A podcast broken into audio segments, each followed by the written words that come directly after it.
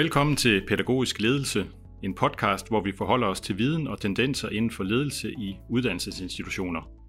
Vi tager udgangspunkt i aktuel forskning i Danmark og i udlandet, og ikke mindst erfaringer fra master i pædagogisk ledelse her på Aalborg Universitet.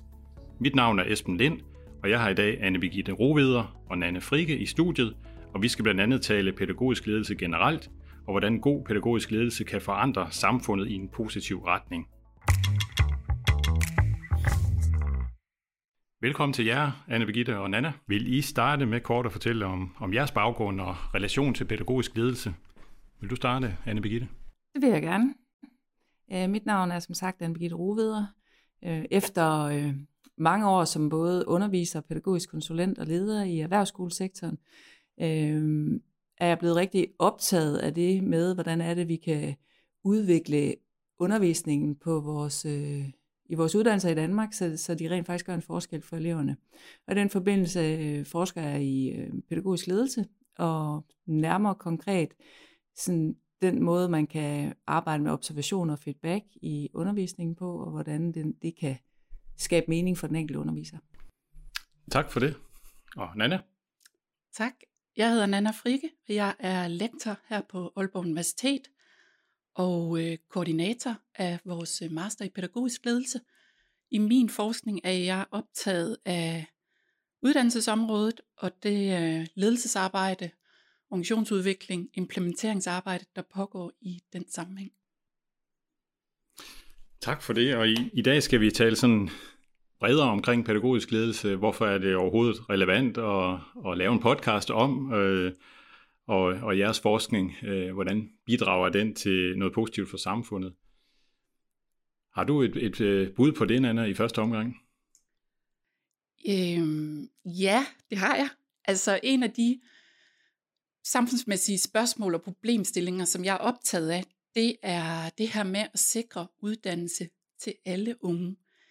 Ikke bare de øh, ressourcestærke, der kommer fra de velstillede og velfungerende hjem, men også dem, med mindre ressourcer og ringere forudsætninger. Øhm, det er noget, vi har i dansk kontekst bakset med over de sidste 70 år i forbindelse med velfærdsstatens etablering og udvidelse og udvikling. Og det er til stadighed en udfordring. Øhm, de seneste tal, jeg har hørt, det er, at vi har 45.000 øh, unge uden erhvervskompetencegivende uddannelse på nuværende tidspunkt. Og det vil man fra politisk side gerne have ned. Øhm, og det er der selvfølgelig både økonomiske grunde til, fordi det er dyrt at have folk på overførelsesindkomster, men der er også en social og trivselsmæssig side af det, fordi der også er enorm stor mistrivsel og ringere helbred knyttet til ikke at være på arbejdsmarkedet og have kompetencegivende uddannelse. Så, så. så det er en, en, hvad skal man sige, en, en almengyldig præmis, at, at uh, uddannelse det er, det er godt både for samfundet og for den enkelte? Ja, for mig at se, at det er et spørgsmål om livskvalitet for den enkelte. Og som du siger, der er også, der er også god samfundsøkonomi i det. Ja. Øh, hænger det også sammen med, nu siger du, det er noget, vi har bokset med i 70 år, øh, og der er stadigvæk øh, en procentdel, som på hver årgang ikke kommer øh, gennem et uddannelsesforløb. Øh, har, har, har samfundet også ændret sig, eller har arbejdsmarkedet også ændret sig i, i en retning, hvor, hvor det er sværere at være ja, ufaglært, som vi jo kalder øh, personer, der ikke har en, en, en uddannelse. Ja, det er klart, at øh, præmissen for at få et adgang til arbejdsmarkedet har ændret sig i takt med den samfundsmæssige og teknologiske udvikling. Og hele den, det vi bredt set kalder globalisering og øh, ud, ud øh, hvad kan man kalde det, øh, udflytning. Det var det, hvor jeg lægge Udflytning af, ja, af de sådan manuelle arbejdsopgaver ja. til øh, lav øh, økonomiske eller indkom, la, lande med lavere øh, lønomkostninger. Ja. ja. Øhm, og det betyder selvfølgelig, at, øh, at, at der stilles højere krav til, til alle unge i dag, også dem, der måske ikke har så stærke kognitive forudsætninger. Ja. Og det øger selvfølgelig presset på dem for overhovedet at kunne klare at gennemføre en uddannelse. Men er det blevet bedre de her, i de her 70 år, vi har arbejdet med det? Vi har stadigvæk cirka 10% af en ungdomsårgang, der ikke får, øh, får erhvervskompetencegivende uddannelse, og det har været stabilt igennem mange år. Så det er stort set ikke blevet bedre, øh, til nej, trods for... Nej, til trods for utallige reformer, ja. der har, har søgt at gøre op med det. Og hvorfor er pædagogisk ledelse, hvorfor er det så øh, svaret ikke på, på problemet nødvendigvis, men, men øh, hvilken rolle spiller pædagogisk ledelse i den her forstand? Jamen, vi mener jo måske i al beskedenhed, at øh, pædagogisk ledelse er noget af det, der skal til øh, for at øh, sikre uddannelse til alle, fordi de kan lave koblingen fra de abstrakte politiske mål og krav, som de formuleres i reformtekster og i uddannelsesbekendtgørelser, ind i den konkrete undervisningstilrettelæggelse i samarbejde med lærerne på den enkelte skole og i dagtilbud. Så, så pædagogisk ledelse at dem, der skal, at, at den funktion i øh, skole og dagtilbud, der skal hjælpe lærerne til at oversætte de politiske krav, så vi på sigt kommer i mål med den politiske målsætning om uddannelse til alle. Nana, du taler om at oversætte de politiske reformer. Øh, og er det, er det virkelig så enkelt, øh, og hvorfor har man ikke løst den knude øh, for mange år siden? Nej, det er ikke så enkelt. Øhm, for det første, så når man for eksempel i den seneste reform på folkeskoleområdet har et mål, der hedder, at alle elever skal blive så dygtige som muligt, så er det i sig selv et, et meget abstrakt mål for, hvad er udgangspunktet, og hvordan måler man helt konkret, hvornår Peter eller Søren eller øh, Pia er blevet så dygtige som muligt. Hmm. Så der er noget i selve oversættelsesarbejdet, der gør det svært at oversætte ind i pædagogisk praksis. Det er den ene del. Den anden del er jo så den, hele den del, der handler om lærerne og deres samarbejde ind i klasseværelset, elevernes forudsætninger, forældrene, det samarbejde, der sker, så at sige, nedefra i skolen, og som handler om at udvide skolens kapacitet, når man arbejder med at implementere en reform, som for eksempel folkeskolereformen. Okay, så det er også en, en dimension, at, at hver enkelt elev skal udfolde sit uh, potentiale, kan man sige, uh, via den pædagogiske ledelse. Ja, det, det er i, i høj grad et formål, at, at skabe nogle pædagogiske rammer, så den enkelte elev kan trives, dannes, lære så meget som muligt. Anne Birgitte, er du, øh, er du helt på linje med, med, ja, med det her med omkring formålet med pædagogisk ledelse og øh, ja, hvad pædagogisk ledelses egentlig øh, udgangspunkt er? Ja, det er jeg i høj grad. Altså det med at få opbygget øh, skolens kapacitet til hele tiden og øh, hele tiden at lære øh, af og i vores praksis. Fordi når, når, når verden øh, udvikler sig så hurtigt, og, og elevgruppen forandrer sig så meget, som den gør, øh, og det gælder både i folkeskolen, det gælder også i, på ungdomsuddannelsesniveau, øh, og når øh, man kan sige, diversiteten af eleverne bliver så stor, så, så, er, det, øh, så er det rigtig vigtigt, at der er øh, en ledelse på skolen, som tør øh, vise retning i virkeligheden for, jamen hvad er det for et arbejde, vi skal med elevernes læring, hvad er det, vi gerne vil øh, lige præcis på den her skole. Øh, det handler noget om at kunne, kunne prioritere i den der mangfoldighed og kompleksitet, der er i hverdagen, fordi alt er vigtigt i uddannelse, men der er noget, der er vigtigere end andet, og der er også noget, øh, som vi ved i højere grad kan gøre øh, en, øh, en forskel for, hvordan eleverne lærer, og hvordan de trives. Øh, så ja, det var et, et længere svar på ja, det er jeg. Og, men, og ligger der et paradoks i det her med, som du siger, diversiteten, øh, kontra at vi ser en ungdomsårgang som en samlet masse, som vi skal have fra løftet fra omkring de 90% op til 100%. Øh, kan der ikke ligge et paradoks i det? Altså det, det, er en, det er en stor opgave, den enkelte både øh, altså ledelse på en skole har, men også den enkelte underviser. Jo, øh, jo, man kan sige, det er et paradoks. Det er i hvert fald en, en kompleks opgave, som der er ikke nogen underviser, der kan løse alene. Øh, så derfor er det også en pædagogisk ledelsesopgave at få, øh, øh, få skabt nogle fælles forpligtelser og et fælles, øh, ja nærmest sådan moralsk ansvar for, at alle skal, skal have de bedste muligheder for at, at lære så meget som muligt. Skabt nogle rammer øh, for, at, øh, at lærerne i, kan man sige, i fællesskab kan finde nogle, nogle veje i det og blive klogere på, øh, på deres egen praksis, så de i så høj grad som muligt kan skabe de bedste rammer, fordi det er jo øh, øh, en vanskelig opgave. Det er der ingen tvivl om.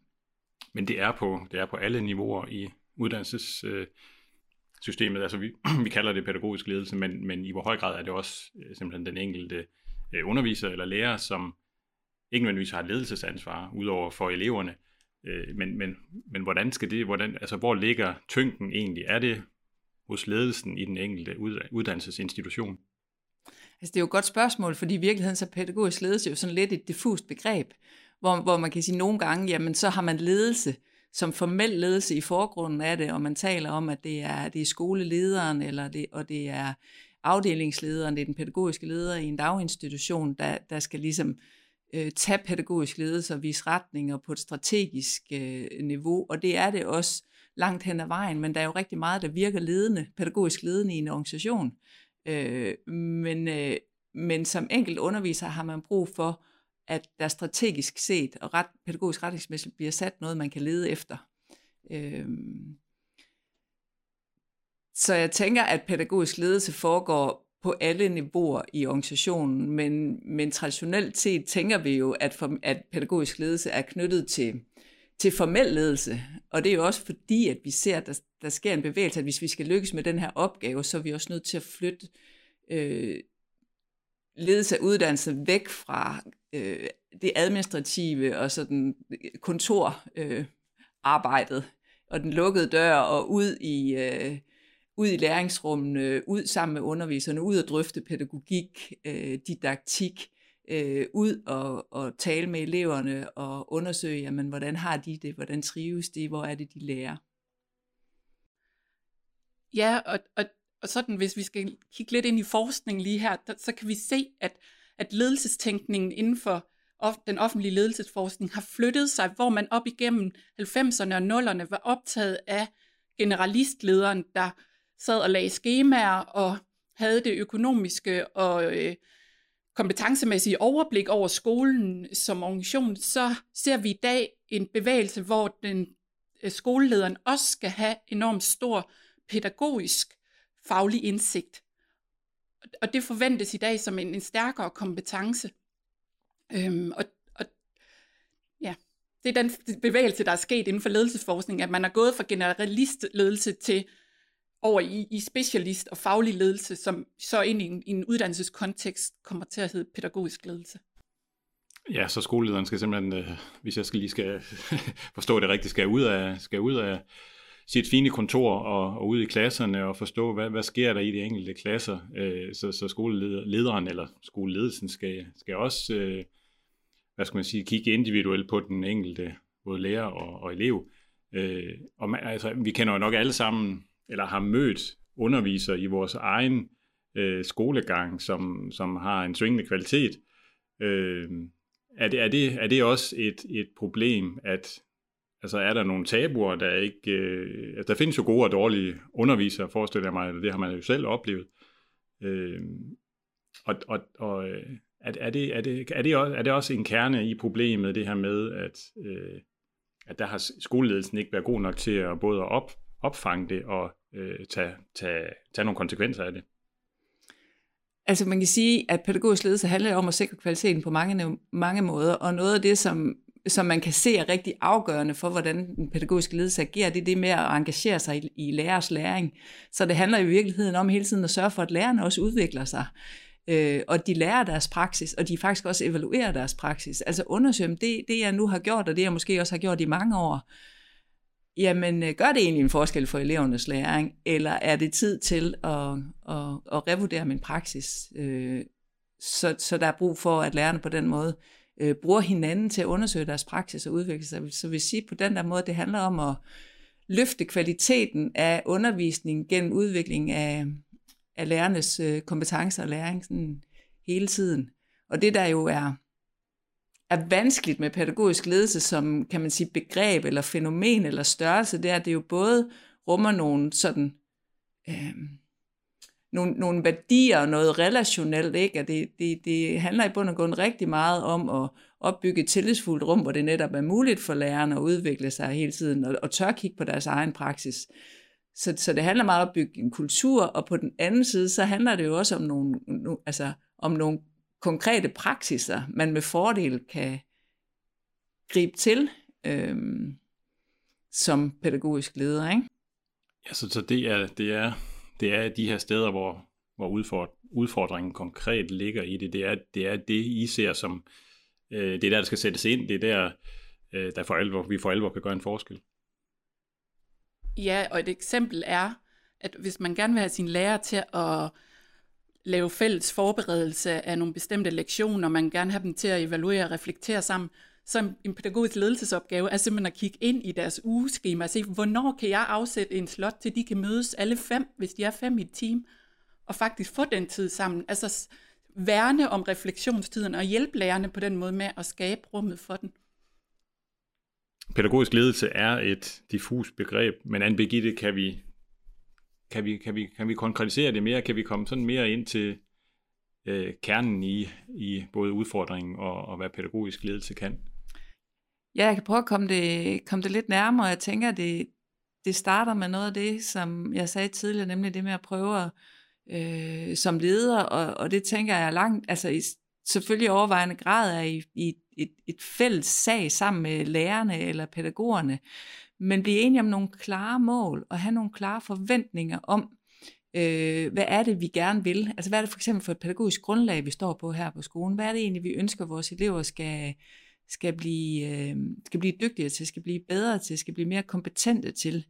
Øh, fordi det er med til at, altså det, for det første så er det motiverende at have, have sådan nogle, nogle, nogle mål, og for det andet så, kan det virke, så virker det sådan fælles forpligtende.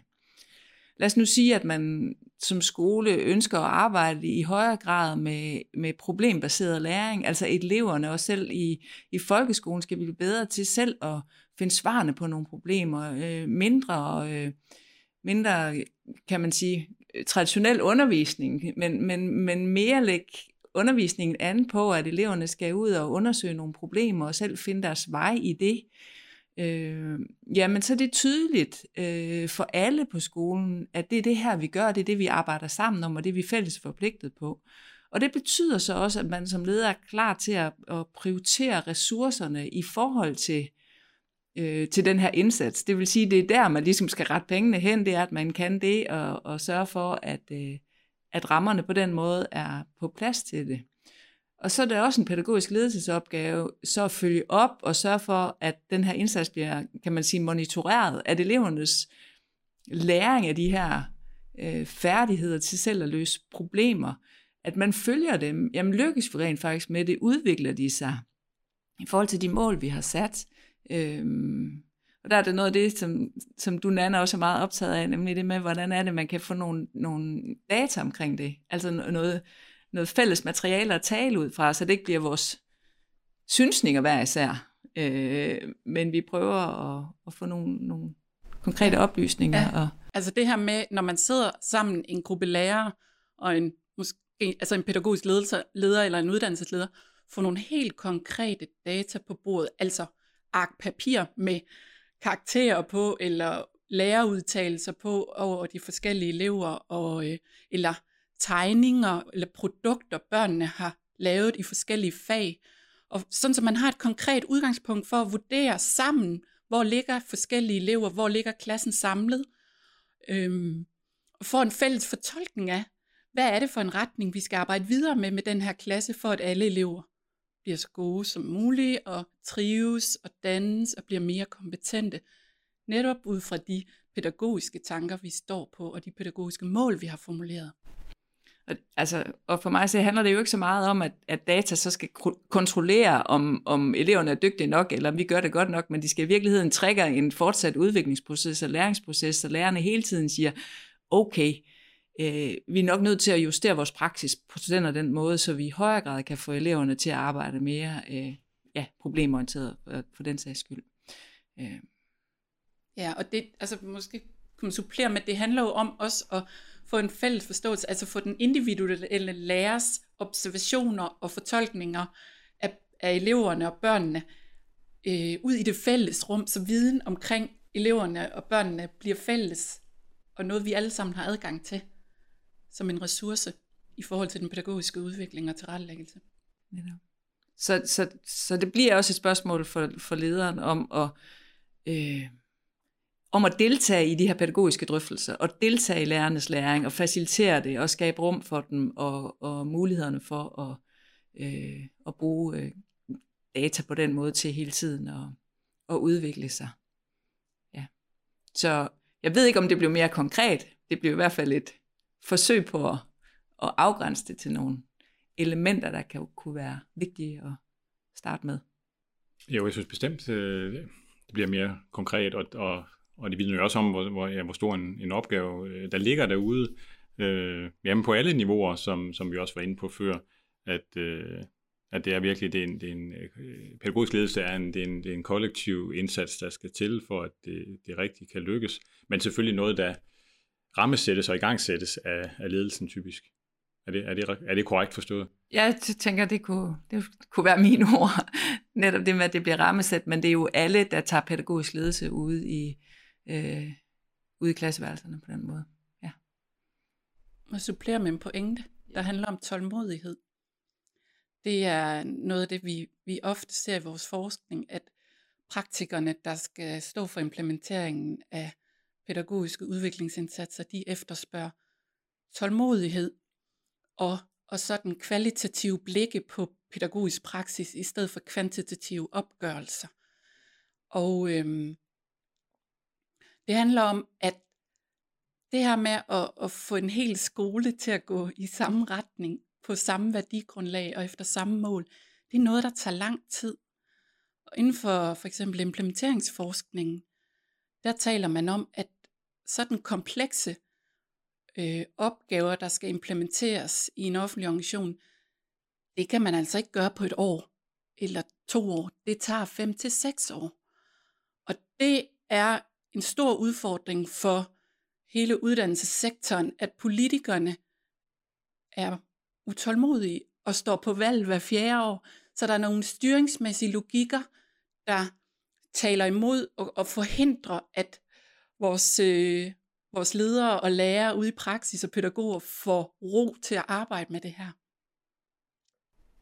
Ja, for det handler jo om, som, som nogle af vores øh, newzealandske kollegaer siger, det handler om at holde, holde vedvarende fokus, øh, og ikke lade sig kan man sige, vildlede. Jeg hører tit fra praksis, at vi har mange skibe i søen, og de sejler ikke nødvendigvis samme vej, men det er altså også en pædagogisk ledelsesopgave at få, øh, få tingene til at arbejde sammen øh, i et vedvarende, et vedvarende flow.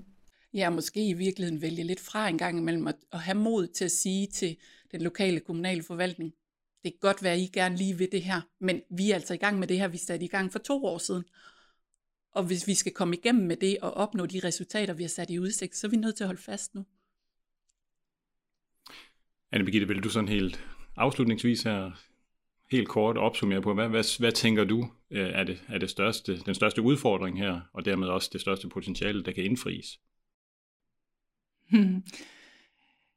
Altså noget af det, som jeg har sådan, altså er meget optaget i, i min forskning, det er, at man som, altså det, det, det kan man sige, det er mere sådan en bekymring, at pædagogisk ledelse er blevet sådan et, altså det er lige før, at det er på grænsen til at blive et hurraord for mange, som bliver knyttet til, når jamen, hvis jeg så bare som pædagogisk leder går ud og observerer noget undervisning og, og giver noget feedback, så kan jeg vinge det af i min kalender, og så har, jeg, så har jeg gjort det godt, så kan vi ligesom sige, at jeg har været pædagogisk ledelse, men pædagogisk ledelse er bare øh, så kompleks en sag, øh, så det kræver virkelig, at man er omhyggelig, og det er ikke noget... Øh, man kan sige, det er ikke noget quick fix. Der følger ikke nogen klar opskrift med i forhold til at sige, at sådan er pædagogisk ledelse, sådan virker pædagogisk ledelse bedst alle steder, i alle skoler. Nej, det, det kræver simpelthen, at man lokalt finder ud af, jamen, hvordan skal det tage form her? Hvad er det for en kultur, vi har her? Give sig tid til at undersøge, hvad er det, der er behov for her? Hvad vil være mit næste skridt som pædagogisk leder for at få øh, etableret nogle, nogle refleksive rum, hvor lærerne kan evaluere deres praksis, for hvad er det næste skridt for at få sat en tydelig retning, altså sådan man, øh, øh, at man bruger noget tid på at oversætte det lokalt, og ikke bare griber til det som en teknologi. Det er nok sådan mit vigtigste budskab på det.